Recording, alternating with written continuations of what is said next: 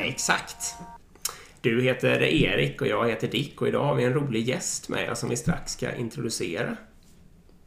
Det ska vi absolut. Innan vi gör det dock så ska vi ta och tacka våra sponsorer Informator Utbildning. Precis. Hur kommer man åt deras utbud? Det absolut bästa sättet är att gå in på agilpodden.se, klicka på informatorloggan, anmäl er till massa fantastiska kurser, skriv agilpodden i kommentarsfältet när ni anmäler er. Verkligen supertack till eh, eh, Informator Utbildning. Vi ska säga då att eh, vi konsumerar i alla fall jag konsumerar ju ganska mycket podcast också. Förutom att vi själva producerar den. Eh, och en av de podcasterna som jag eh, konsumerar då är En sak idag. Eh, som Joakim Jardenberg gör. Och det är det också han vi har med som gäst den här Vilken, gången, vilken slump. Ja, det är otroligt konstigt att du kom hit. Välkommen! Tack så jättemycket, himla kul att vara här med er. Och, och vilken bra uppstart vi fick när vi började diskutera det här med synkar och sånt direkt också. Det är jättehärligt. Ja, vi blir varma i kläderna på en gång. Adrenalinet rann till. Frågan gällde alltså om man behöver klappa eller inte. Det kan ju alla lyssnare gå hem och fundera på, så kan ni ju mejla in till oss. Eh, jo, nej men eh, vem är du Joakim? Oj, ehm, jag ska väl kanske inte börja med de gamla grekerna, men en gång i tiden så Jo. var jag, ja okej då. Eh, född i Malmö greker. 66, eh, vilket betyder att på den tiden när jag föddes så fanns det en tv-kanal. Eh, det är sånt som präglar en. Eh, tre år senare fick vi en kanal till, då hade vi SVT 2. Växte upp i Malmö på en tuff skola. De som gick där har antingen blivit Bandidos presidenter eller så har de blivit riksdagsledamöter. Jättekonstig tid. Eh, fastnade i musiken, spelade trummor. Eh, framförallt i ett band som hette The Immigrants. Vi var 17 personer på scenen från 11 nationer. Jag var enda svensken. Eh, det är också sånt som präglar en. Sen så blev det foto, eh, kom inte in på den utbildningen som jag hade tänkt efter grundskolan så då startade jag eget istället. Körde eget som fotograf i ett antal år, hade lite anställda, tyckte det var livet, det var hur bra som helst. Så när jag blev inkallad i lumpen så sa jag nej, det är inte för mig. Fick uppskov ett par år, till slut så sa de nu får du sluta fjanta dig, kom ner här och gör det du ska. Jag åkte ner utan en tandborste ens för Ja. jag tänkte jag skulle spela idiot och åka hem igen. Fastnade där i sju år, eh, muckades som löjtnant i luftvärnet, eller kapten i luftvärnet blev jag till slut. Ehm, och där någonstans eh, våren 93 kan man väl säga att vi börjar spåra över till det som vi ska prata om. Internet och IT och data som det hette på den tiden. Så att eh, där och då började jag min, eh, min digitala karriär och jag trodde ju att jag skulle fortsätta byta karriär vart femte, sjätte, sjunde år lite grann sådär. Men det blev inte så. Internet var så jäkla spännande så där har jag fastnat. Coolt. Mm. Jag vart ju direkt sugen då på att tänka ut, eh, var du alltså 14 där när 80-talet drog igång? Ja, Och så försökte jag tänka ut så här, vad var det för eh, sociala medier på den tiden? Och det enda jag kom på var he Heta linjen. Stäm, stämmer det eller? ja men det stämmer. Det var Heta linjen och så var det korvkiosken typ. Eh, Korv, nej. ja, ja, ja. Vad är nu ja, detta för någon som är född någon som är född som mig då, 85, så har jag ingen aning vad det är. nej, precis. Vi ska säga, jag, kan, jag kan säga så får du rätta mig om jag är fel här. Men Heta linjen var någon form av att man kunde ringa in till ett ganska stort gruppsamtal kanske med tiotals människor och prata om vad som helst. Eh, och det var helt anonymt. Kan det vara så? Jag är lite för, jag använder liksom aldrig det här, jag är lite för ung för det. Men, men eh, de lite mer framåt kompisarna pratade om det liksom. Det var ju på den nivån då. Eller om de var lite äldre också kanske. Man kan ju säga att det var ju, det var ju mycket, mycket dejtande på Heta linjen var det ju, eh, naturligtvis. Ja. Och, och det, fanns, det fanns faktiskt Heta linjen-linjer som var bra mycket större än 10 personer. Det kunde vara uppemot 50, kanske till och med 100. Ja. Och det, det där var ju en strålande affärsidé egentligen för att på den tiden så kostade ju tick i linan för varje minut som du satt och hängde i telefonen. Så att eh, Heta linjen var ju föräldrarnas stora fasa ur två perspektiv. Det ena det var ju alla fula gubbar som skulle ragga på en där eller alla fula Ja, tanter, jag vet inte. Och så var det då kostnaden naturligtvis som sprang i höjden. Och det här var ju otroligt omdiskuterat på den tiden. Det var ett jäkla liv runt Heta linjen. Var det till? Konstigt att inte de har, att inte de har hängt med och appifierat och, och konkurrerat mot Tinder. Ja, men jag, Ja, tror, jag, tror, det. jag tror nog att de dog rätt hårt i och med att vi fick någon slags enhetstaxa och att liksom att, att, att det här med Okej, tiki, alltså ja. affärsmodellen dödade nog heta linjen rätt så seriöst. Plus naturligtvis att vi ju fick mycket bättre alternativ. ICQ var väl egentligen det första som på något vis mm. tog över efter Heta linjen. Kanske ERC för oss som var lite nördigare och sådär och Usenet News naturligtvis där mm. du också kunde sitta och vara, vara eh, anonym. Eh, och prata med folk som du egentligen inte kände runt olika ämnesområden. Så jag skulle nog säga att om du frågar om sociala medier på 80-talet, sent 80-tal där, så var det nog Usenet News egentligen som var det, det heta. Mm, Usenet use. Och eh, eh, det var ju alltså före internet? Det var något annat datanätverk då, eller? Ja, det kan man säga. Det var väl egentligen en del av ett, ett väldigt tidigt internet, men alla tjänsterna var ju sådana här uppringda tjänster. I regel så kom du åt det via någon BBS. Så att du ringde någon BBS på, på, ehm, på, ett, på ett lokalt nummer och sen hade de då så att de synkade ett antal sådana här Usenet News-grupper då över, över asynkrona förbindelser så det hände någonting fyra gånger om dygnet typ. Um, mm. Och det var framförallt väldigt stort i universitetsvärlden så att mitt, en av mina lyckligaste dagar i livet det var när jag fick ett konto på Lunds universitet så att jag kunde köra, köra via deras modempool och, och, hämta hem data från Usenet News. Um, mm. känner, känner ni till Goodwins Law? Nej. Goodwins law, det kan ni googla på sen ni ungdomar. Det är, ja. det är den här principen om att när en, en, diskussion har pågått ett litet tag så kommer den alltid att landa i nazireferenser. Alltså att någon drar till med att, att, att, att det där är liksom som nazisterna under andra världskriget. Det är liksom en, en en väldigt tidig idé om hur alla internetsamtal alltid kommer att kantra liksom. Och han heter Goodwin, han, ja den är fantastisk. Han heter Goodwin som definierade den och jag tror att han gjorde det 89 redan.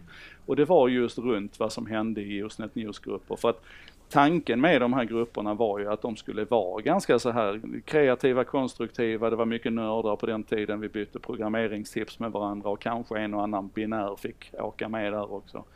Men, men så fort vi liksom började och skulle diskutera någonting som hade någon slags relevans för någon som någon tyckte var viktigt. Då var det liksom, det var givet att det gick tre eller fyra liksom steg i den här tråden och sen spårade ur i nazistreferenser. Liksom. Goodwins good, good, law. Ja, jag ska, Goodwins jag law. sen. Yes. Ja, roligt. Mm.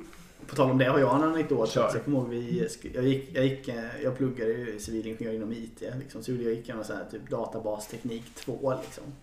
Så skulle vi bygga ihop någon databas, jag kommer inte ihåg vad vi skulle göra nu liksom. Och så skulle vi populera det med någon viss data och sådär. Och då, då la vi ju in, bara på skoj för att testa våra egna, så la vi in då såklart Adolf Hitler och massor med fejkdata om honom liksom som vi hittade på då. Och sen så glömde vi såklart ta bort den posten då. När vi lämnade in det till vår lärare liksom. Så vi fick tillbaka ganska skarp kritik eh, och feedback på vilken typ av data vi hade i den här databasen. Så det stämmer ju, lagen stämmer, ju även där. väldigt bra. Och det där är ju världens klassiker, det har man ju sett eh, tidiga CRM-system som utvecklades för för tidningsbranschen och mediebranschen och sånt på den tiden. Nu är vi ju återigen då kanske i slutet på 90-talet snarare. Men då var det ju ofta så att man fyllde det med dummy-data också. Och, och, det hände ju någon gång ibland att, att det där blev fel och helt plötsligt så var det liksom en artikel på första sidan med en bild som definitivt inte skulle vara på första sidan i tidningen. Mm, usch, dummy-data ska man akta sig för. Det är bättre idag när vi bara ja, fyller verkligen. på med katter och lorem ipsum istället. Vi har lärt oss något. Sant faktiskt. Mm. Ja, vad hände sen då? Vad tog över på 90-talet? Då, blev det, då kom internet as we know it på något sätt. Liksom. Och mm. vad, klev, vad klev in då? Vad är spaningen liksom från 90-talet?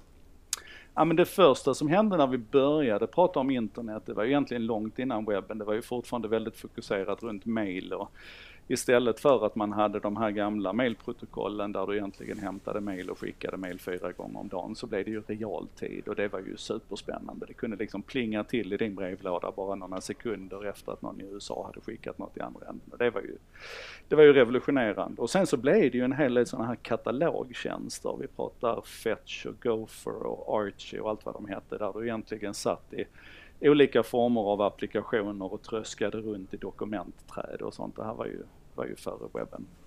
Men sen så började mm. ju då webben hända någonstans där på egentligen hösten 92, runt 93 började ta mm. fart. Mm. Jag, jag, kommer ihåg så väl, jag hade ju då slutat i det militära och börjat jobba på ett företag som heter Macmeckarna. Som bland annat körde sådana här relativt långa arbetsmarknadsutbildningar som man tog arkeologer, arkitekter och bibliotekarier och så gav man dem en 16 veckors kompetenshöjning. De skulle lära sig data, som det hette på den tiden. Mm. Mm. Mecka, modermodem och sådär.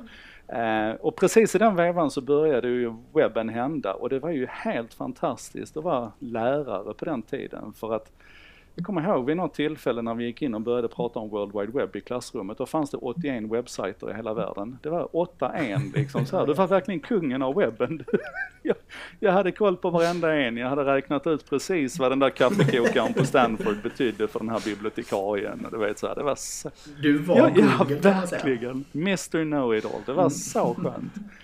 Och sen kommer jag ihåg en morgon när en av mina elever då kallade över mig till sin dator och så pekade han ner på skärmen så sa han, du, du magistern den här hemsidan, heter det fortfarande då, den här hemsidan har vi ju inte pratat om. Och jag tittar ner och ser någonting som jag aldrig har sett för. Det är så här helt väsensskilt. Det är en, en ung kille som pratar om, i väldigt personlig form, hur han hatar skolan och hur hans föräldrar inte förstår honom och hur han får kela för lite med flickvännen. Och så här superpersonligt. Och han blev sen känd som den första personliga bloggaren. Sajten hette Justins Links to the Underground och var lätt legendarisk där ett par år. Och just den här känslan att stå där som ja, kungen av internet liksom så här. Jag var Google, trodde ju alla då. Och så står jag där och så ser jag någonting efter att min elev, min student har sett det. Jag har ett, ett informationsefterläge liksom så här. Det var ett sånt otroligt definierande ögonblick. För från den stunden så är det liksom helt klart för mig att jag kan aldrig kliva in i ett rum och vara säker på att jag vet bäst. Va? Jag kan liksom aldrig så här jag, jag lånade ett uttryck många år senare ifrån Therese Mannerheim som drev ett företag som heter Brain Inspiration, tror jag de hette. Och hon sa så här att We don't know better, we only know different. Och det är liksom lite grann den här, du kan aldrig vara säker på att du vet bättre så att du måste hitta något sätt att veta lite annorlunda istället och gå in med ett slags så här faciliterande förhållningssätt. Att nu, nu lär vi mm. tillsammans här och vi bygger det här tillsammans och så. Men just den stunden, det var ju, marken öppnade sig under fötterna på mig. Det var ju fruktansvärt att stå där liksom och få den här käftsmällen att shit. Och vilket, eh, minns du vilket år det var? Jag tror det var hösten 93 eller sommaren 93, sensommaren 93.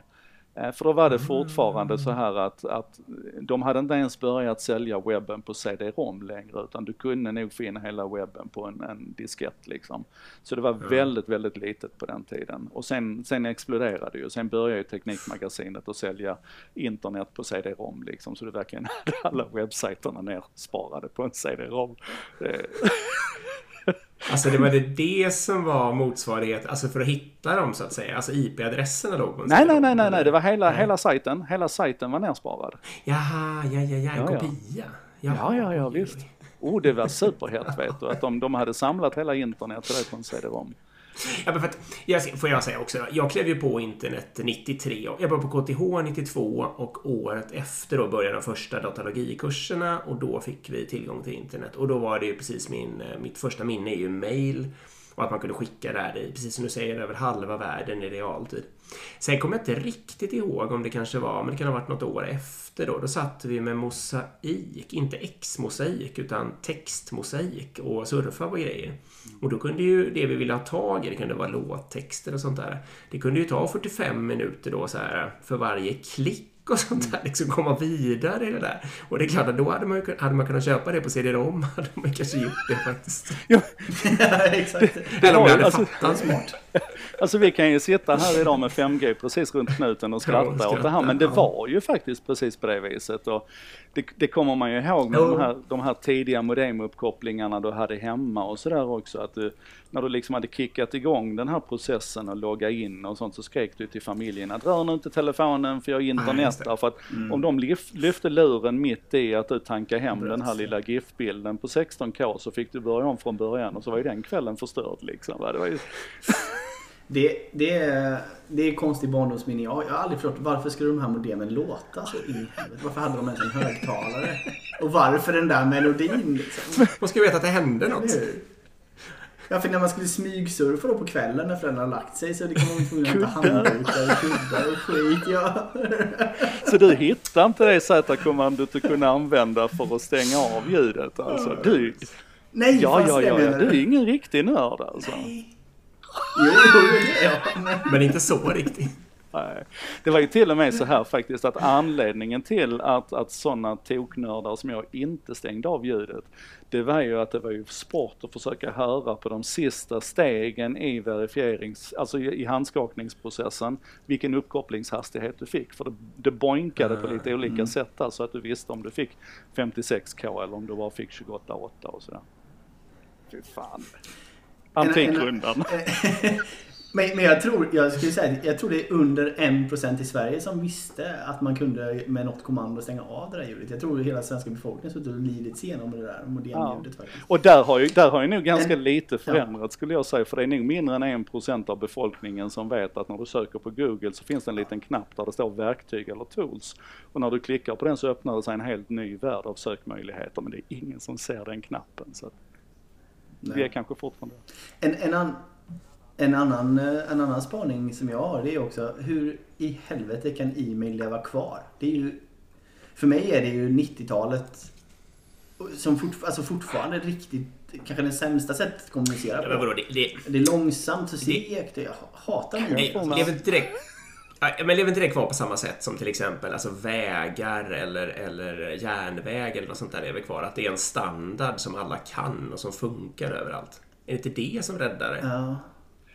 Alltså jag skulle ju säga att jag egentligen fortfarande tycker att, att mail är det mest optimala för att det är helt oberoende av vilken server du sitter på. Det är helt oberoende av vilken mailklient du väljer att använda. Det är ju det, det är ju det, det sanna optimala distribuerade eller möjligtvis federerade systemet vi kan tänka oss. Det är helt underbart att om du bara har mailadressen till någon så kan du nå dem. Du behöver inte fundera på, ska jag gå in på WhatsApp eller ska jag gå in på Facebook eller ska jag gå in på LinkedIn eller ska jag använda Signal eller ska jag använda Telegram eller ska jag nå dem på TikTok? Ja, du vet, det, alltså det är ju någonting oerhört skönt i att det finns åtminstone en kommunikationsväg, för, en kommunikationsstandard får vi väl kalla det, som inte är beroende av de stora plattformarna och så. Och, och in, inte jag förstår, jag förstår den poängen. Liksom. Och inte av val av klient. Jag förstår Ingenting. den poängen. Jag håller med, men ur ett användarperspektiv och ur en användarupplevelse så är e-mail fortfarande horribelt. Ja, jag, jag försöker undvika det så mycket som möjligt. Jag, hade jag fått välja så hade jag inte haft någon e-mail. Men det är lite svårt idag att leva utan e-mail. Uh, men någon måste ju vara först i och för sig. Så. Men det kanske, är en, eh, det kanske är en affärsidé då? Vad heter det? Alltså att man eh, att i sin egen plattform, eller bygga sån mellanvara som Alltså om man vill chatta från Facebook till WhatsApp liksom så mellanlandar den på e-mail eller något sånt där. Skickar, skickar skiten fram och tillbaka. Alltså, det, det, om, vi, om vi nu ska göra någon slags historisk exposé här så har det, det har ju både funnits väldigt seriösa försök att revolutionera e-mailen. Google Wave till exempel, frid över dess minne, var ju ett sånt sätt att försöka bevara samma mekanism men sen addera allt det som vi uppskattar ifrån mycket mer snabbrörliga användarvänliga tjänster. Så det är väl det ena. Sen när det gäller det här med att bygga mellanvaran och försöka få, få till stånd någon slags unified messaging så fanns det ju faktiskt rörelser i den riktningen. Det fanns en del som gjorde jävligt bra och seriösa försök att få till stånd det. Men det var ju på den tiden när i stort sett alla plattformar hade ett öppet API, när det faktiskt gick liksom att kommunicera med och mot dem på ett helt annat sätt än än vad det gör nu i, mm. i vår post-Cambridge Analytica-tid, liksom när det blev stenhårt lås på allting. Och det är väl en av mina stora... Och krypterat hela vägen. Precis, va? Och, och, och, det skulle man ju i och för sig kunna, kunna lösa fortfarande om krypteringen hade skett i ändpunkterna. Va? Då, då hade man ju fortfarande kunnat kommunicera krypterat över någon slags sån här brygga. Men det är en av mina stora sorger egentligen när det gäller var internet har tagit vägen och det är ju den här den här märkliga svängen vi gjorde efter att det blev ett, ett väldigt fokus på liksom personlig integritet och vi kastar så mycket skit på de stora plattformarna så att de kände att det enda sättet att hantera detta det är liksom att plocka hem det och låsa ner och, och ta hem mer av kontrollen. Så vårt, vårt öppna internet som vi liksom har sett så här cykliskt i lite omgångar, att vi har nästan fått smaka på lite grann, det har vi ju aldrig varit så långt ifrån som vi är just nu, tyvärr. Tror du att det kommer komma till... Ja, nu kanske jag föregår det vi borde avsluta. Men vi sparar det. Mm. Ska, ska, vi, den ska, ska vi ta den här, ska vi gå årtionde för årtionde? I så fall så är det ju, vad hände på 00-talet? Alltså 00-talet präglas väl av dotcom-boomen egentligen. Alltså det beror på Mm. vad du menar med 00-talet. Men, men i, i det sena 90-talet och det tidiga 00-talet så var det ju den här väckelserörelsen runt internet som, som, Mm. som jag på många sätt liksom, det, det var ju där och då som jag etablerade min idé om internet. Liksom, lite grann som den här, eh, den här Jobbade undergörande du kraften. på, var du på Framfab eller Ikon Media Lab? Nej, men jag, jag hade ju mycket med dem att göra. Jag menar Jonas Ja, Birgersson och ja. jag är ju Ja. gamla kompisar och, och Johan Stahl von Holstein och jag var ju, var ju kompisar tills jag började tycka att han gjorde så mycket konstiga grejer med MLM och sådär. Men eh, nej, jag satt, jag satt faktiskt på Aftonbladet på den tiden, eller egentligen som fristående konsult kan man säga att jag jobbade för Aftonbladet från 95 fram till 2000, egentligen 10 år fram till 2005. Så att precis den perioden vi pratar om här över över millennieskiftet så jobbade jag väldigt mycket med mediebranschen. Jag jobbade med Aftonbladet, TV4, Svenska Dagbladet, många lokaltidningar och så. Och vi hade ju ett definierande ögonblick för mediebranschen, om vi ska börja där, och det var ju valet 94. När man tidigare hade faxat ut valresultaten till alla tidningsredaktionerna, men man 94 bestämde sig för ifrån, jag tror det var Skatteverket som höll i det på den tiden, att nu, nu mejlar vi ut de här resultaten istället. Och då drog ju alla Sveriges tidningsredaktioner en säkring och sa, är ni helt galna? Vadå mail? Det har vi liksom knappt, det kan vi knappt stava till. Och så blev det en bärande del av verksamheten helt plötsligt för att kunna rapportera, från, från valet. Så att då får jag ju omkring då, då jobbar jag fortfarande på Macmeckan och då får vi omkring och installera något som vi kallade för Internet Toolbox, ITB. Det var en liten svart låda med en Linux-distribution och en massa servicer och tjänster i som vi satte ut på lokaltidningarna. Så att då satt där folk centralt, Patrik Fällström bland annat och det här gamla internetskägggänget, de satt och jobbade med, med Skatteverket och, och Swipnet på den tiden på den distribuerande sidan och paketerade ihop de här valresultaten i mail och sen så satt jag och ett gäng andra ute på tidningarna och, och byggde upp den här mottagnings sidan där kan man säga. Och det gick jättebra med, med valresultat via mail och sånt. Men vi hade ju smugit in lite webbservrar och sånt i de här internet toolboxarna också. Så helt plötsligt så kunde ju i praktiken varje tidning börja publicera sig på nätet och det var ju väldigt många som valde att göra det i, varierande grad. Och där det hände absolut mest, det var ju på Aftonbladet. Den här tiden på Aftonbladet från, från eh, 94 fram till eh, ja, fram och förbi dotcom-kraschen egentligen fram till 2005. Det är nog det som jag håller som bland det roligaste jag har gjort i livet. För då var det verkligen tryck alltså. Snacka om agil utveckling.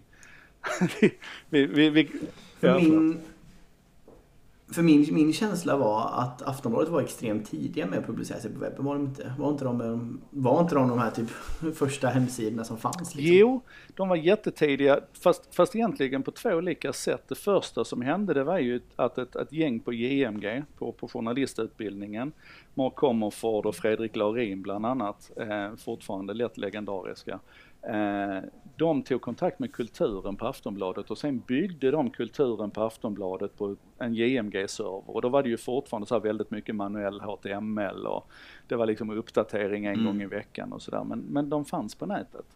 Det som egentligen Aftonbladet var, var riktigt tidiga med det var ju att vi byggde ett riktigt flöde där det automatiskt liksom trillade ut nyheter hela tiden på, på webben och att det blev en riktig, riktig nyhetssajt egentligen. Och ehm, har vi tid för den historien om jag tar tre minuter åt den? Ja, Ja, absolut. För det var ju så här, text-tv har ni hört talas om grabbarna? Ja, ja, ja, det finns väl fortfarande också. Jag, jag tänkte just säga det. Det här måste varit efter, första steget efter text-tv. Helt korrekt, helt korrekt. Aftonbladet hade ju precis som alla andra tidningar med någon slags, eller mediehus med någon slags självbevarelsedrift på den tiden, hade ju text-tv. Och i Aftonbladets fall så var det text-tv på kanal 5 om jag minns rätt nu. Men någonting sket sig i förhandlingarna där mellan, mellan två avtal liksom så. Så helt plötsligt så stod Aftonbladet utan någon output för sin text-tv. Man hade ju man hade ju liksom byggt upp hela den här organisationen runt att skriva korta nyheter. Så då gjorde vi ett världens fulhack. Det, det blir inte mycket fulare hack än så, men det fanns i alla fall ett kort som du kunde tycka är en, en, en Mac eh, som, som läste av text-tv-signalen och gjorde det till en textsida. Och sen så gjorde vi lite PHP-skript, jag tror vi hade någon C++ snurra inblandad också, som bearbetade de här textsidorna och letade efter, efter tresiffriga länk, alltså tresiffriga tal var ju liksom så här, här är en annan sida du kan knappa till. Så gjorde vi det till automatiska länkar och vi färgsatte det lite snyggt och gjorde helt enkelt HTML-sidor av text-tv-snurran. Och så ut med det på nätet och på det viset för Aftonbladet först. Ja, ja, ja, ja coolt. Ja. Nej, snyggt. Nej, det är inte snyggt, men det var, det var agent i alla fall. Jo, jo, jo. Aff affärsmässigt var det snyggt. Alltså översatt text-tv helt enkelt. Ja. Erik? Jag kommer också ihåg i alla fall när jag växte upp på då 90-talet att Aftonbladet chatt var helt sjukt stort. Var det inte det?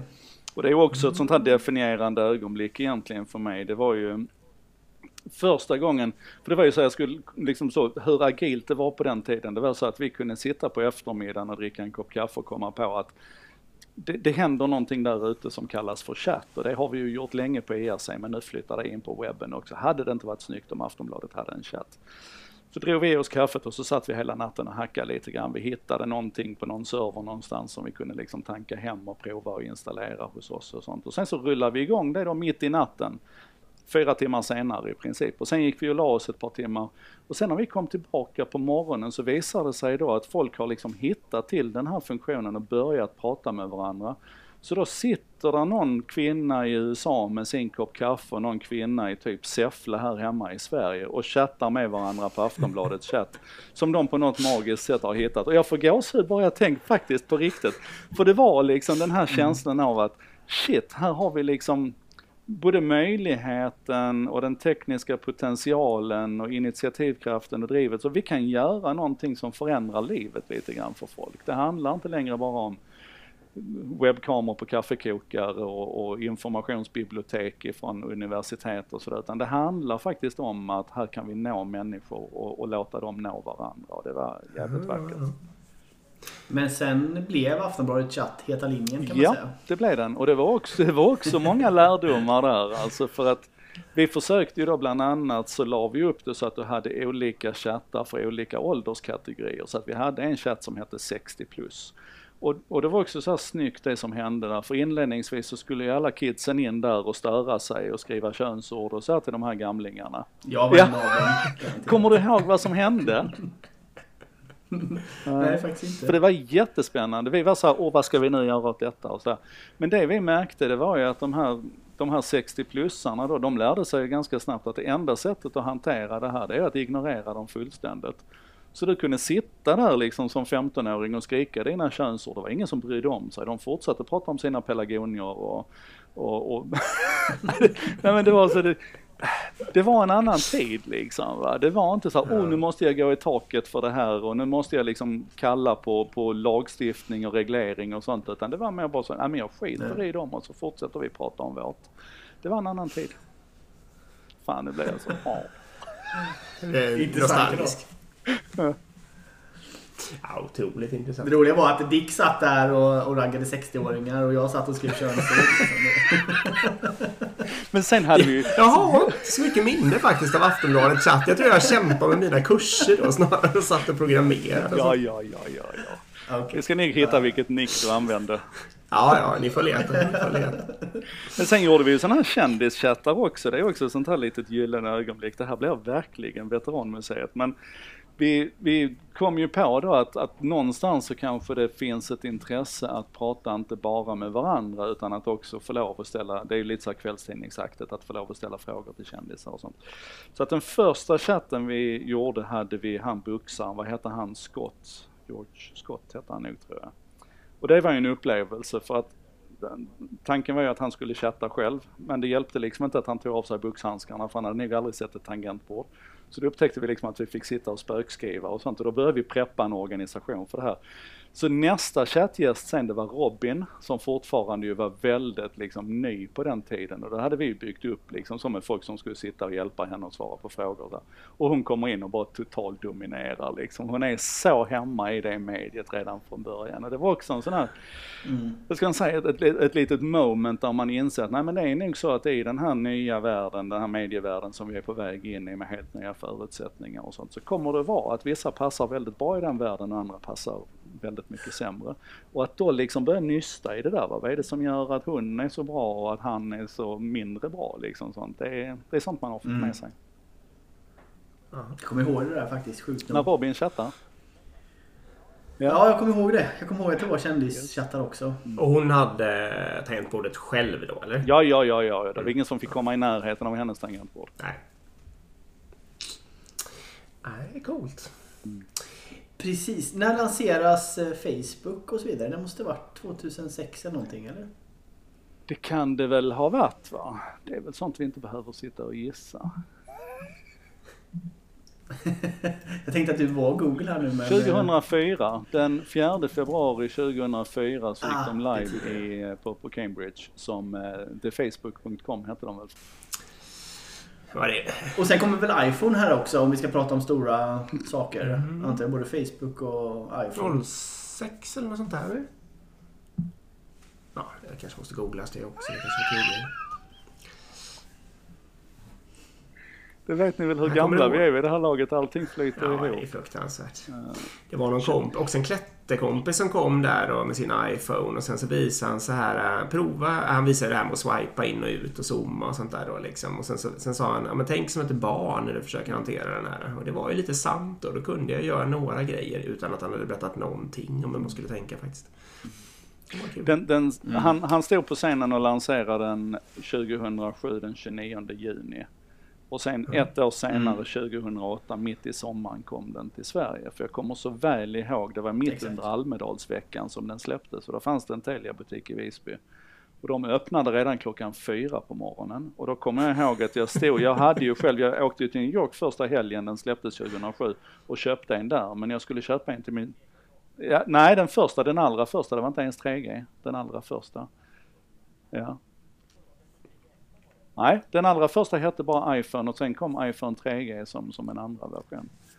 Eh, kan ha varit den som släpptes i Sverige ett år senare, den som hette 3G. Jag minns inte, men det jag minns väldigt tydligt det var att i den här jäkla kön klockan fyra på morgonen i Visby så står där en eh, svensk partiledare tre steg framför mig i kön och en annan svensk partiledare ett steg bakom mig i kön. Inte deras pressisar eller, eller så, utan de själv stod där. Så enorm var hypen för den här iPhonen. Ja, ja, ja. Och att liksom i det läget inte åtminstone sitta på Nokias högkvarter och tänka att fan det här kanske är någonting ändå, även om den är tekniskt väldigt underlägsen. Så när det står liksom två svenska partiledare klockan fyra i en kö i Visby och väntar på sin telefon, då kanske de har lyckats med någonting ändå. Alltså.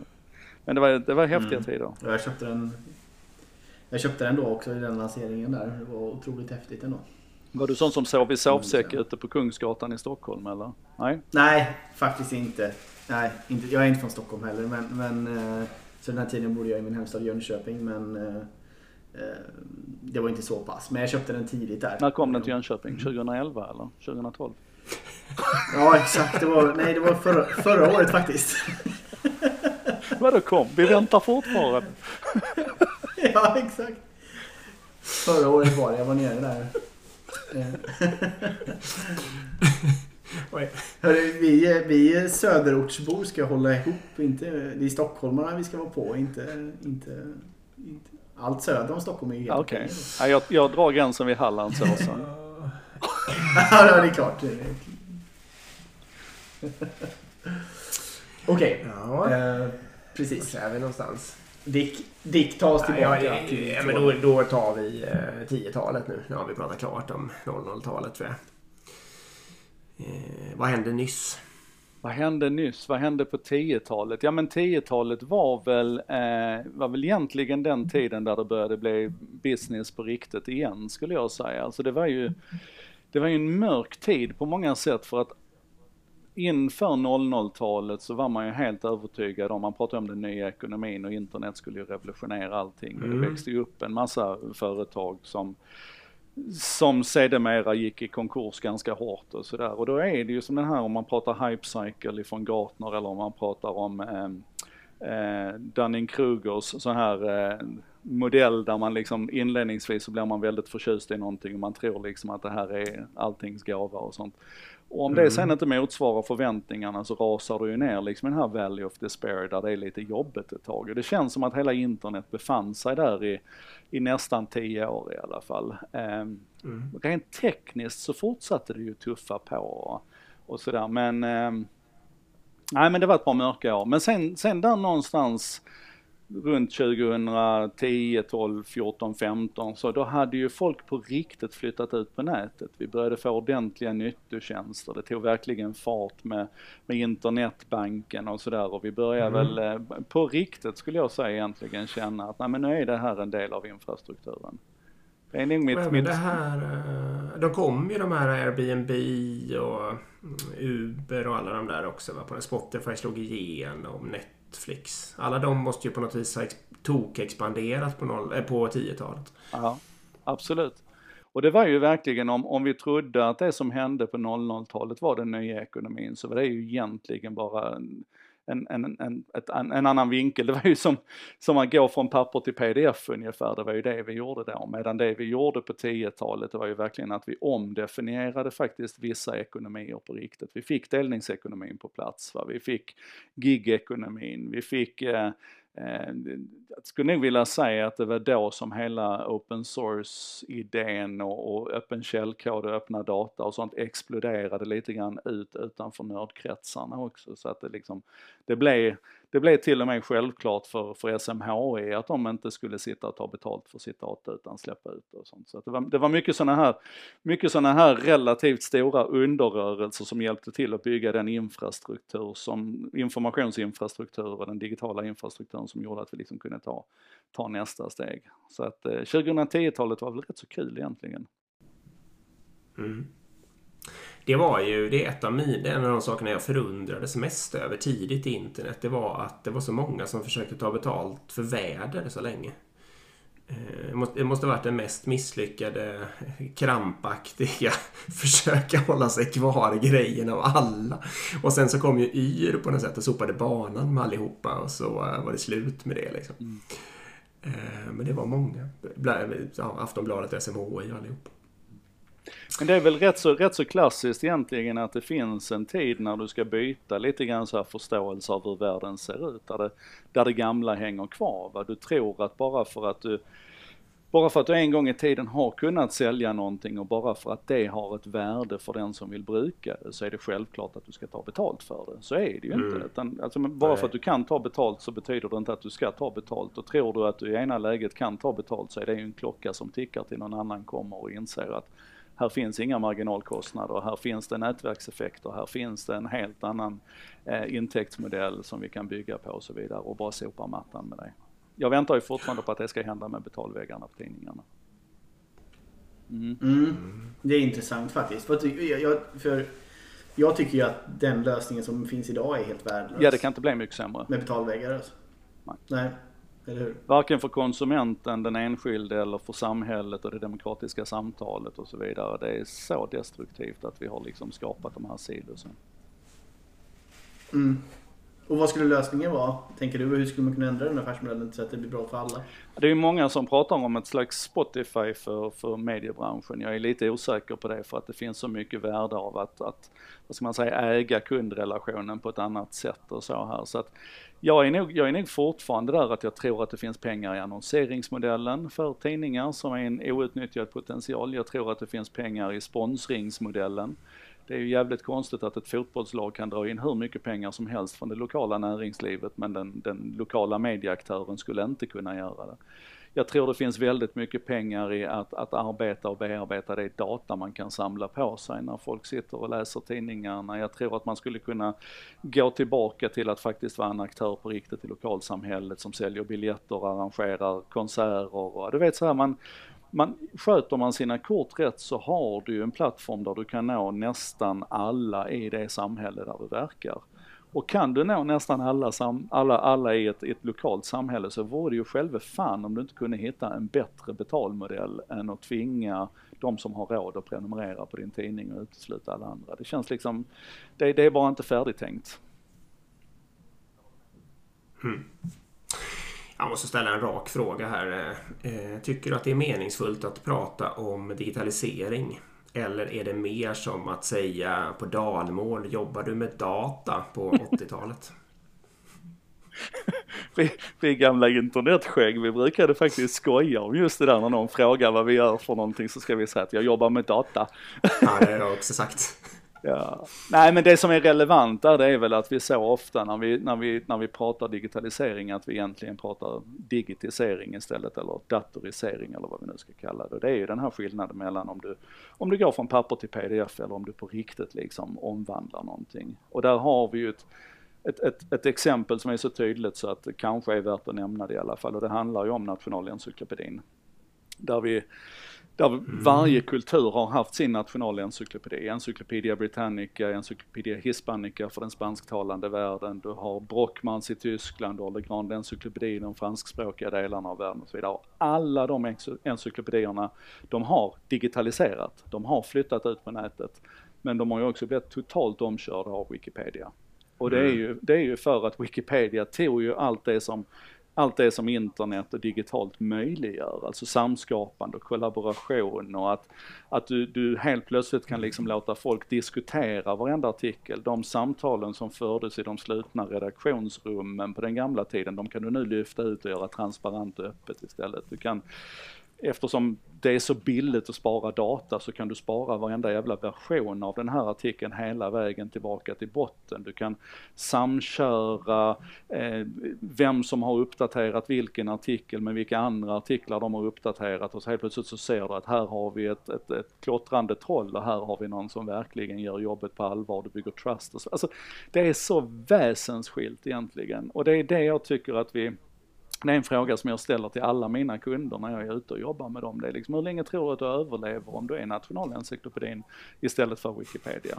Och då spelar det faktiskt ingen roll om det är Scania som, som har en hårdvarudel också, där det är helt uppenbart att vi har fabriker som är svåra att ersätta, vi har logistikkedjor, vi har långa relationer med vår supply chain och så vidare. Men det finns alltid ett antal element i en organisation där man kan ställa sig frågan liksom, är vi nationalencyklopedin eller är vi Wikipedia? Mm. Och då är jag helt övertygad om att de företagen som förstår att vara Wikipedia istället, det är de som digitaliserar på riktigt och det är de som kommer att klara sig. Och då tycker du att det ordet är meningsfullt att använda också för en sån sak som Wikipedia till exempel? Ja, det, det skulle jag nog säga att det är för att det handlar ju om den här, den här större transformationen egentligen där man omformulerar vad det är man gör och hur man gör det. Du gör det liksom på ett, på ett helt nytt sätt. Du, du ska kanske fortfarande lösa samma behov eller du ska uppnå samma mål och syfte men du gör det på ett radikalt annorlunda sätt. Det handlar inte om att du mm. byter ut papper och penna mot dator utan det handlar om liksom hela det här, hela den här processen och ekosystemet. Sen är det väl lite grann så att vi mm. får ju fortsätta prata om digitalisering så länge vi behöver det här paraplybegreppet. Va? Sen i, idag när jag går ut och jobbar med, med stora kunder som Lufthansas VD och sådär, då sitter vi inte och pratar digitalisering, då pratar vi ju verksamhetsutveckling eller vi pratar affärsutveckling, vi pratar HR-frågor, vi pratar liksom allt det som allt det som är deras egentliga verksamheter där digitalt och digitalisering det är liksom, det är implicit idag, va? Det, det bara finns. Det är, det är ingenting som man behöver uttala och stoppa mm. i en speciell låda. Ja, för jag får nog ge dig... För att när jag får den här frågan, som jag fick av en kollega alldeles häromdagen, då hävdar jag ju lite att det är bara ett modeord. Liksom. Lite just att, som på 80-talet säga jag jobbar med data. Eh, men jag får ge dig att den definitionen är ju lite, eller det exemplet är ju lite smart. Jag kanske ska börja, om jag ska vara, om jag ska ha ett välvilliga jag så får jag ju ta det Wikipedia-exemplet istället när jag ska förklara det här. Eh, mm, Men det, det, är ju alltid, det är ju alltid svårt en, det här med eh, begrepp. Det är ju ungefär som att jag nu har gått in som VD för ett AI-företag som heter Get AI. Och, och, och, då är det ju lite grann så att när, vi, när, när jag säger att vi arbetar med tillämpad AI så kan det ju betyda en miljon olika saker. Men, men du, har ju, du har ju kanske inte alltid 30 minuter på dig att förklara vad du gör för någonting och då behöver vi de här paraplyerna. Va? Vi behöver ibland liksom möjligheten att kunna sätta oss ner runt ett bord och säga att nu är det, nu är det detta som är ramverket för det vi ska prata om idag. Då, då sätter vi liksom AI som etikett på det och sen börjar du fylla den här fyrkanten med allt det som det egentligen handlar om. Och lite grann så mm. ser jag på digitalisering också. Det är ett, ett paraply, paraplybegrepp som fortfarande kanske har ett, ett visst berättigande för vi ska placera oss i, ett, i ett, en tankerymd att nu är det det här vi pratar om. Liksom. Men, men annars håller jag med dig om att det är ett, ett fullständigt utdaterat begrepp egentligen. Men vär, världen är ju det utdaterad. Är mm. Mm. Erik? Precis, man har, man har samma, samma egentligen utmaning med ordet agilt. Ja. Det, det, är samma ja. sak, liksom, exakt samma utmaning där. Eh, men det har också sitt syfte i sin kontext. Liksom. Um, om vi tar de här FANG-företagen då som är, ni som inte har begreppet, är Facebook, Amazon, Apple, Netflix och Google. Kommer de ta över världen eller har de redan tagit över världen? de så kallade teknikjättarna. Ja, om, du, om du ska fråga svensk mm. press så har de ju definitivt redan tagit över världen och de är ju, de är ju civilisationens undergång typ. Um, här, mm. här måste vi ju akta oss lite grann för liksom, den gamla kulturimperialismen egentligen. Det finns ett företag i Indien som heter Reliance som har fyra gånger fler anställda än vad Facebook har och dubbla omsättningen ungefär. I Kina så har vi ju flera företag som är avsevärt större än vad Facebook och Google är tillsammans och tjänar nästan lika mycket pengar som Apple gör.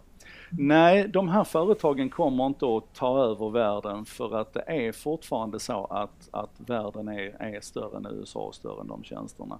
Dessutom så är de ju hela tiden utsatta för tryck och då tänker inte jag så mycket på den amerikanska kongressens tryck på dem, så nu ska vi bryta upp Google och så, utan jag tänker på det tryck som de är utsatta för från oss användare.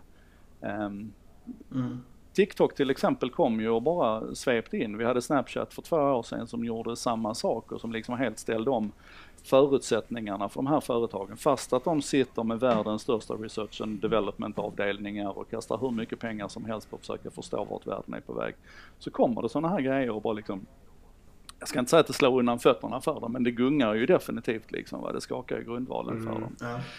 Så att nej, jag, jag, tror inte att, att de kommer att ta över världen och skulle de mot förmodan göra det så är jag ändå mindre bekymrad över Mark Zuckerberg än vad jag är över Donald Trump. Så att om jag, om jag, om jag får lov att bestämma så får gärna Mark fortsätta bestämma över Facebook istället för att vi liksom kräver reglering som i slutändan lägger makten och kontrollen i händerna på, på en sån som Donald Trump. Jag är rätt nöjd med den här maktdelningen vi har idag mellan, mellan eh, de folkvalda och våra teknikföretag. Mm, mm. Intressant svar.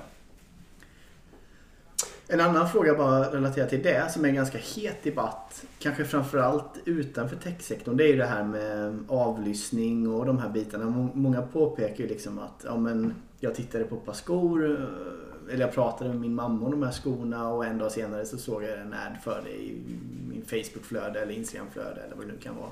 Jag måste vara avlyssnad liksom. Eh, vad är din, eh, din take på det? Är det bara skitsnack? Eh, eller är det så helt enkelt att bara ML-modellen har blivit så pass bra att man förutspår, eh, de hinner förutspå vad du vill köpa och så börjar du prata om det samtidigt. Det bara är... alltså, precis, jag är ju där. Jag, för det första, jag är 100% övertygad om att de inte lyssnar i din telefon. Det, det, har varit så pass mycket väsen om det här, det har gjort så pass mycket studier på det, så många har tittat så djupt på det. Det hade varit bevisat vid det här laget om det hade funkat, om det, om det hade varit så. Och dessutom så hade det ju varit en PR-katastrof av totalt aldrig tidigare skadade höjder om det hade visat sig att de gjorde det. Så nej, de gör inte det. Vad jag då tycker är intressant mm. i den diskussionen, det är att det faktum att de inte lyssnar och ändå är så pricksäkra, det är ju det vi borde prata om och vara mm. bekymrade över. Precis som du är inne på att modellerna mm. och, och, den mängden data som de har om oss gör att de är så pricksäkra så att det enda vi med våra begränsade hjärnor kan hitta som logisk förklaring på det här, det är att de lyssnar. Exakt. Medan sanningen egentligen är mycket otäckare. Alltså, så om man, om man, om man Mm. nu tycker att det är otäckt att de vet att jag vill köpa ett par skor, men, men det kan ju finnas andra konsekvenser av det. Men, men ja, eh, så nej, de lyssnar inte, men det gör också att det här är egentligen ännu mer otäckt än om de hade lyssnat. Mm. Precis, jag håller med dig. Det, det är också min eh, spaning på det att, eh, att modellerna börjar bli så pass bra att de kan prioritera vad du pratar om och tänker på och så vidare. Så att det börjar matcha helt Det, enkelt. det, säger, det säger ju någonting om Ja. hur förutsägbara vi är som människor också. Vi tycker ju att vi är så individualistiska och att så mycket är så slumpmässigt i vårt liv och sådär. Men i själva verket så är det ju helt uppenbart så att väldigt mycket är förutsägbart. Sen har du ju andra biases som spelar in här också. Det är ju, det är ju, du ser ju inte alla gånger de, de missar vad du är intresserad av och vad du pratar om. Utan du ser ju de gångerna det liksom, det är ju som att läsa horoskop. Om du tror på det så hittar du liksom de här Mm. tecknen hela tiden på att det är på det viset. Men sen vill jag faktiskt, en, en sak till som jag tror jag tycker är viktig att vi pratar om här lite grann och det är ju det här med idén om real harm. Alltså så här, jag är ju oerhört mån om att vi, att vi värnar vår personliga integritet och att vi liksom håller på min möjlighet att få lov att vara eh, fördold eller vad vi nu ska kalla det. Mm. Men, men min utmaning där är ju inte så mycket gentemot Facebook och Google och Apple. Jag är rätt obekymrad av om de lär sig så mycket om mig att de kan servera mig en skoannons innan jag liksom vet att jag vill ha ett par skor. Det som bekymrar mig det är ju när det här läcker över till de entiteter som har våldsmonopol. Alltså när det här börjar läcka över till staten. Och jag jobbar ganska mycket med olika program under Svenska institutet och sådär där vi arbetar mot, mot Belarus och vi arbetar liksom mot, mot MENA och, och liksom länder där du verkligen har, eh, vad heter det, oppressive governments, alltså förtryckande regimer och så här va. Och, Mm och att, att liksom befinna sig i en sån kontext, i, sånt, i en sån miljö och veta att den här regeringen, den här, det här styrelseskicket som kan kasta mig i fängelse bara för att de känner för att göra det eller bara låta mig försvinna. Att de också kan ha tillgång till de här verktygen, då börjar det liksom bli otäckt på riktigt. Va? Det, är- det, det är den nyansen i debatten som jag tycker att vi missar när vi skjuter på Facebook och Google. Utan det vi egentligen borde se till det är att vi har vattentäta skott mellan de tjänster där jag ändå i någon mån kan välja att, att vara aktiv och där risken för missbruket egentligen är ganska låg mot det som händer när det läcker över åt andra hållet och det pratar vi alldeles för lite om. Vi har haft FRA-debatten som har liksom puffat upp så här. Vi har haft NSA och Prism och de här bitarna i USA och sådär. Men det går över rätt snabbt och så trillar vi tillbaka till Facebook är farliga. Det känns inte så konstruktivt Mm. liksom. Nej, det är oftare man hör det. Det håller jag helt med om. Och om man pratar om något annat så är det nästan alltid att, att eh, Kina analyseras som skurkaktigt. Det är sällan något annat faktiskt. Nej, det är sant. Eh, Okej, jag har en till. Kör. Eller förlåt. Nej, kör. Mm. Jag, jag tänker på TikTok som slår hårt, eller har slått hårt kan man väl säga. Om man tittar på just hur den är utformad som produkt så läste jag en ganska intressant artikel häromdagen som handlar om att den är egentligen bara designad för att kunna optimera på sin egna machine learning algoritm då. Så det den gör, i- lite förenklat nu då, är egentligen att om du öppnar appen så kastar den upp en video till dig och börjar autospela den på en gång liksom. Och desto längre du tittar på den eller desto snabbare du swipar bort den så lär den sig på en gång då om det här är content du gillar eller inte och ser den i en ny video. Och så på så sätt så optimerar du egentligen bara för att få så bra content som möjligt. Det skiljer ju ganska mycket om man tittar på hur vi historiskt har designat produkter med att vi ska ha user flow, man ska få översikt, man ska kunna gå, ha menyer överallt, där man ska kunna klicka och allt sånt där.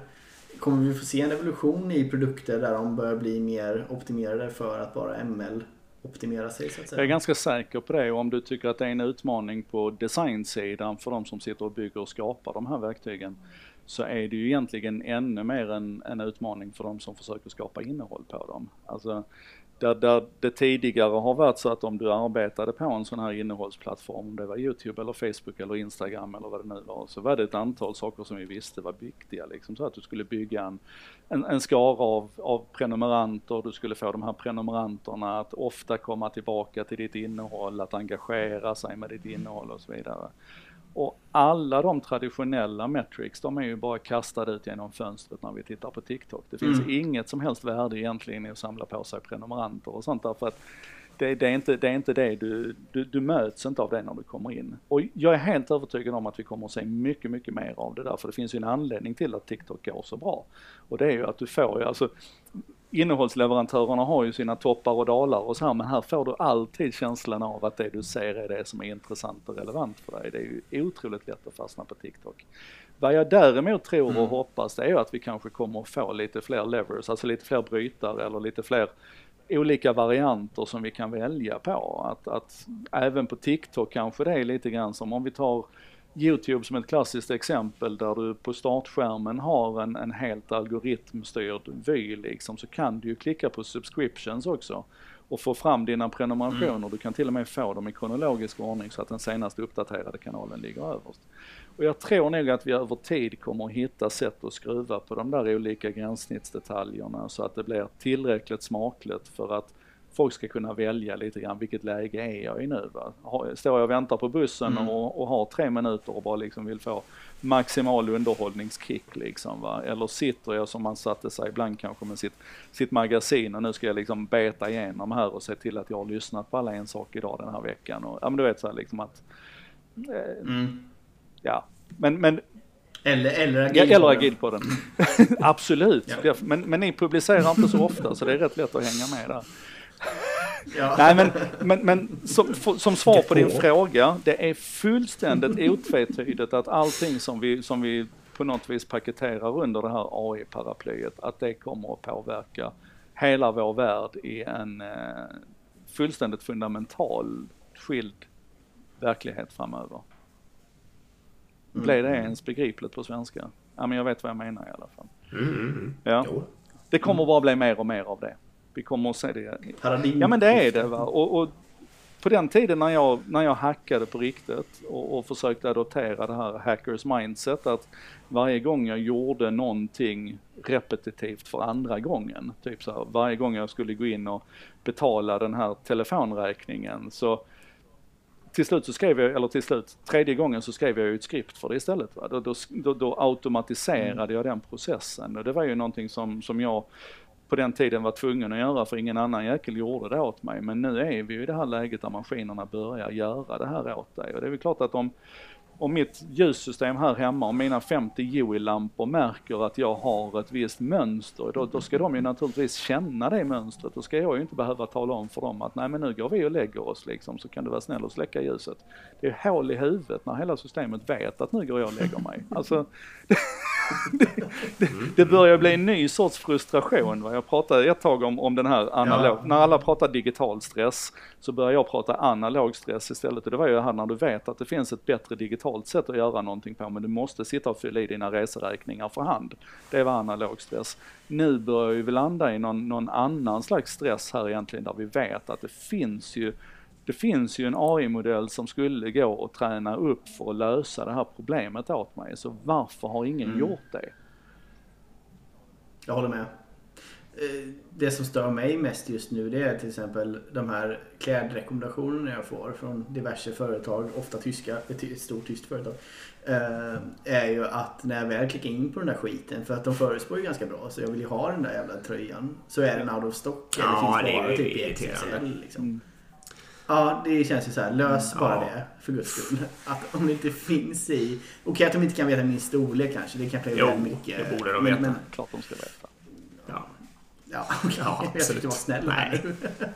Men jag har även fått rekommenderade produkter där, där, där den är i alla storlekar ja. slut. Liksom. Och då undrar man ju så här, det där borde inte behöva hända. Men är inte, det, är inte det klassiskt också att man fortfarande lever med ett antal obalanser? Då, då har det, liksom, det har varit jo, lättare att skriva den här algoritmen som kan rekommendera det som du vill ha, men man har fortfarande inte löst logistiken i bakplanet för det är så många mm. andra rörliga mm. delar inblandade i det. Så du får fortsätta ja, klicka absolut. helt enkelt. En vacker dag så är det någon som har löst logistiken också. känsla att din pryl finns där i lagersaldet. Ja, ja eller hur. En annan sån skön jag fick bara här i veckan nu som jag tänkte på. Det var, jag handlade på boost.com då. Det är ingen skugga över dem på något sätt. Men jag köpte en Ralph Lauren t-shirt och sen så fick, en, inget mer och så köpte jag hem det. Och så fick jag så här, då, då fick de väl någon span på att jag uppenbarligen gillar Ralph Lauren då. Så då fick jag ett mail så här, typ dagen efter. Upptäck ännu mer av Ralph Lauren. Och det är ganska snyggt. Dock enbart damkläder. Klänningar, kjolar och fan allt. Men tänker inte du då att de, de kanske känner dig bättre än vad du själv gör? Ja, det är sant. Jag kanske borde Prova. vidga mina vyer, tänker du. Ja. Typ, typiskt prediktiv modell som kickade in där. Fast lite för tidigt bara. Min fru kanske borde bli orolig menar du? Eller stolt över din fördomsfrihet. Ehm, ska vi, nu känner jag att vi grundade lite där. Alltså nu får du säga vad som kommer hända här på 20-talet först. Mm. Kan, vi, kan vi bli färdiga med covid-19 först? Så kan vi börja fundera på vad som ska hända sen. Det är väl egentligen... Ja, covid-19 är ju bara... Covid-19 kommer ju bara göra att det som ska hända på 20-talet händer ändå fortare. Ja. Det är min spaning i alla fall. Ja, och plus att det kanske kommer att låta oss dra iväg i lite, lite riktningar som vi, till exempel det här med hur vi arbetar, arbetsplatsen och så ja, vidare. Det, exakt. Det, det, är inte, det, är nog inte, det är nog inte helt självklart att vi, att vi hade landat där ens med mycket tid om vi inte hade blivit tvingade Nej. till att säga att det funkar. Så att det kan vara lite sådana här barriärbrytande saker som vi har upptäckt också. Ja, um, exakt. Så att det är väl, um, vad fan är det nya normala egentligen? Alltså jag ser väl fram emot att vi, att vi på riktigt får en slags hybridvärld där vi slutar prata om att vi har en fysisk värld och vi har en digital värld och att det liksom ska vara en massa skillnader mellan dem utan att vi, att vi på riktigt rör oss sömlöst mellan de här världarna. Att vi kanske blir duktigare på att se att vissa saker är faktiskt bättre att göra digitalt än att, att göra fysiskt. Det är bara att tidigare så har vi försökt göra det på ett sätt som skulle emulera den fysiska världen istället för att använda den digitala kraften. Vi kan ju ta en sån sak som möten till exempel. Jag är ju så oerhört fascinerad över att det är först nu som Microsoft Teams har börjat flagga för att det kommer att komma en funktion som gör att alla möten du har haft eh, sparas som video, transkriberas, blir sökbara, stoppas undan i din SharePoint och blir åtkomligt via Teams och så vidare. Men jag tycker att det är det absolut mest självklara som finns i hela världen. Att om du nu sitter och kör ditt möte digitalt, då är det ju klart som fan att vi ska spara allting och göra det sökbart och göra det fortsatt kollaborativt och, och länka ihop det och använda all kapacitet vi kan till att bygga liksom, vi kan ju lägga, vi kan ju lägga modeller över alla de här mötena och helt plötsligt så börjar vi se liksom andra samband och vi börjar höra vad vi faktiskt pratar om fast att vi inte har sett det själv. Ja men du vet, allt det här Ja, ja. Alltså, det är så här, varför, varför hade vi inte det för tio år sedan? Va? Men nu Nej, kanske... det är konstigt.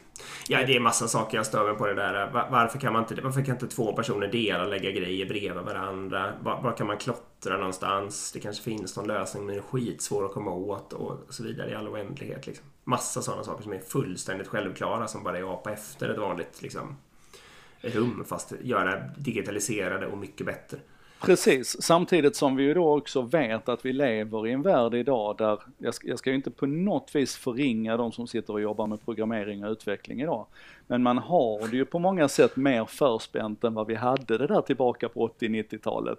För att du har mm. tillgång till, till bibliotek och du har liksom tillgång till olika abstraktionslager och du kan liksom, du kan jobba på ett helt annat sätt än vad du kunde göra då. Det finns en tjänst som heter StreamYard som är en, en fantastisk browserbaserad tjänst för att göra livesändningar där du bjuder in gäster och sen skjuter du ut det här då så du kan sända på tio olika kanaler samtidigt och du kan jobba med, ja, du kan göra jättemycket snygga saker och allting sker i webbläsaren. Det är två killar som har byggt detta för att de har bara varit jävligt duktiga på att plocka ihop allting som redan fanns där ute och, och, och bygga ett helt nytt liksom paket av det här. Och det är lite grann en, en, eh, vad ska man säga, då är man där på den här frustrationen igen att det går så långsamt för många av de stora företagen och så här, som Microsoft till exempel, utan att på något vis singulera ut dem bara, men ändå kanske lite. Att, att man liksom kan sitta med den sortens, att man kan sitta med den sortens utvecklingsresurser och så många smarta hjärnor som jag vet finns där inne och, och, och den, vad ska man säga, så många fingrar ute i användarnas behov och lik förbaskat vara så långsamma och så tröga och så klumpiga och så valhänta i mycket av sin utveckling. Det, det, det säger ju bara liksom att, att att man inte har förstått agil utveckling till exempel. Mm. Ja, det är, lite, lite, det, det är en stor del kulturfråga där också tror jag. Mm. Att de inte lyckats ställa om sig helt enkelt. Jag skrev för övrigt en post på LinkedIn om att jag har levt ett liv, eller förlåt, ett år av mitt liv nu utan några som helst Microsoft-produkter. Det var ju någon smart jävel då som direkt kommenterade att LinkedIn är ju ägt av Microsoft. Epic fail på den spaningen. Det ju jätteroligt! Åh oh, gud. Det var ju nästan så roligt så man, du, du kunde ju nästan låtsas att det var en tanke liksom så. Gotcha. Ja. Nej fy fan vad snyggt. Mm. Ja. Okej, okay, vi kanske ska... Vi kanske ska... Ja, precis. Ja. Jag måste fråga en sak till. Men ja. ja. Gör det. Kör det. Ska jag göra det nu? Mm, ja, då gör jag det. Nej men, nej, men vad, eh, vad här 2035 eh, liksom? Är vi en dystopisk 1984 eh, liksom mörk värld eller i stil med Ready Player One om ni har sett mm. filmen eller liksom så. Eller är vi... Var är vi? Vad kommer ha hänt liksom? Är det en utopi? Jag tror ju inte på den dystopiska modellen. Utan jag, jag, jag, tror ju faktiskt, alltså människan har ju gått igenom ett antal sådana här stora skiften förr i, i historien. Första industriella revolutionen, andra, mm. tredje och så vidare. Och på något vis så lyckas vi ju alltid komma ut på, på andra sidan och, och objektivt på något vis ändå har blivit lite bättre. Världen har blivit lite bättre för alla år som har gått. Vi lever lite längre, lite färre svälter, allt fler kan läsa. Mm. Internet ger oss möjlighet att koppla upp den tredjedelen av befolkningen som fortfarande inte är uppkopplad och vi kan liksom verkligen knyta ihop det här. Och, och, och jag landar alltid i att jag i slutändan tror att, att det goda i människan kommer att lösa och hantera det här. Men det finns ett, ett par aber, ett av dem handlar ju till exempel om artificiell intelligens. Så det är så jäkla mycket snack nu om etisk AI och att vi liksom, vi måste se till att vi sätter regelverk på plats så att vi kan hantera den här monstermaskinen så att den inte ställer till någonting och förintar mänskligheten och så vidare. Och den diskussionen kan jag acceptera så länge världen ser ut som den gör just nu, där de flesta maskiner är någonting som står där borta och tickar och det finns en off-knapp liksom. Och vi kan väldigt tydligt se att vi kan gå bort och skruva på rattar på den här, även på algoritmerna kan vi liksom skruva på rattar och vi kan säga att nej nu, nu, nu, nu blev den lite rasistisk här så då vrider vi lite grann på den här ratten igen. Men om vi kombinerar den idén om allt smartare artificiell intelligens, kanske till och med i förlängningen någon slags generell artificiell intelligens, om vi kombinerar det med det som Elon Musk och många andra forskar på idag med Brain to Computer Interface, där vi alltså kommer ifrån det här att vi ska sitta och knappa på tangentbord eller vi ska prata med prylarna, utan vi faktiskt liksom har sensorer och, och interfacet inopererat i hjärnan så att vi är på riktigt uppkopplade hela tiden. Då kommer det ju inte finnas någon sån här off-switch. Då kan vi inte längre gå bort där borta och stänga av eller, eller mm. säga liksom att så här, utan då blir vi ju den här eh, supermänskligheten på något vis. Och i det läget så kan vi ju prata om etisk AI hur mycket vi vill liksom, för då är det ju vår etik det handlar om. Och det är därför som jag jag, jag slåss nästan mm. varje dag för att vi ska börja jobba med de här mjukare mänskliga värdena egentligen. Inte som att maskinerna är någon separat entitet utan att vi människor ska sluta vara rövhattar mot varandra. Att vi ska mm. sluta vara mm. dumma och polariserade och göra vårt bästa för att missförstå varandra och så vidare. För att den dagen vi har den här kraften inopererad här så kommer ju allt det skitet att förstärkas också, amplifieras. Så att vi mm. måste verkligen på något sätt börja jobba med vår, vår vår mänsklighet och, och, eh, och, och, etik och moral på ett mycket, mycket, mycket djupare plan. Och jag är bara rädd att vi kommer inte hinna, vi kommer inte hinna bli färdiga med det arbetet i tid. Vi kommer inte bli den här goda mänskligheten som vi behöver vara för att kunna hantera den tekniken som står runt hörnet. Och misslyckas vi med det så går det åt helvete. Så enkelt är det. Mm, läskigt. Men egentligen tycker du lite att det är samma sak som när människan kom på kärnvapen eller något sånt där. Att eh, det är en fråga om att hantera den nya teknikutvecklingen på ett bra sätt och inte använda den för destruktion så att säga. Exakt så. Ehm, mm. Exakt så. Och det betyder ju också om vi ska, om vi ska ta liksom kärnvapenanalogin ett snäpp till så betyder det att det kommer att göra lite ont emellanåt. Och det låter ju hemskt att prata om Hiroshima och Nagasaki som att det gjorde lite ont. Men du är med, konceptuellt så här, vi kommer att få ett antal Mm. rejäla smällar på fingrarna kanske. Och det som definierar oss det är väl hur vi reagerar på det, var vi tar vägen då. Och, och Mm. Mm. ja. Vi får se. Mm. Det är en spännande framtid med stora möjligheter helt enkelt. Det är väl inte speciellt agilt att sitta och prata om vad som ska hända 2035 va? För den, det, det, är väl en del av, ibland. det är väl en del av det agila mindsetet att man inte, att man inte kan planera nej. egentligen. Ja. Nej. Nej, vi, tänker, vi tänker hålla dig för det här svaret nu så gör vi en podd helt enkelt 2035 och ser hur Ja. du hade. Skitkul. Ja. Vi bokar in det i kalendern redan nu. Eh, jag tror vi ska runda mest för att vi börjar iväg i tyst. tiden. Jag tror vi skulle kunna, prata mycket mer Ja. om det här. Och någonting mer du vill tillägga eller säga eller puffa för också? Nej, jag tyckte bara det var, det, det var grymt kul att prata med er. Eh, Det blev ju väldigt mycket nostalgi i början men det är väl kanske så när man har en, en, en gammal gubbe som jag som har varit med ett tag att det, det är en del av värdet.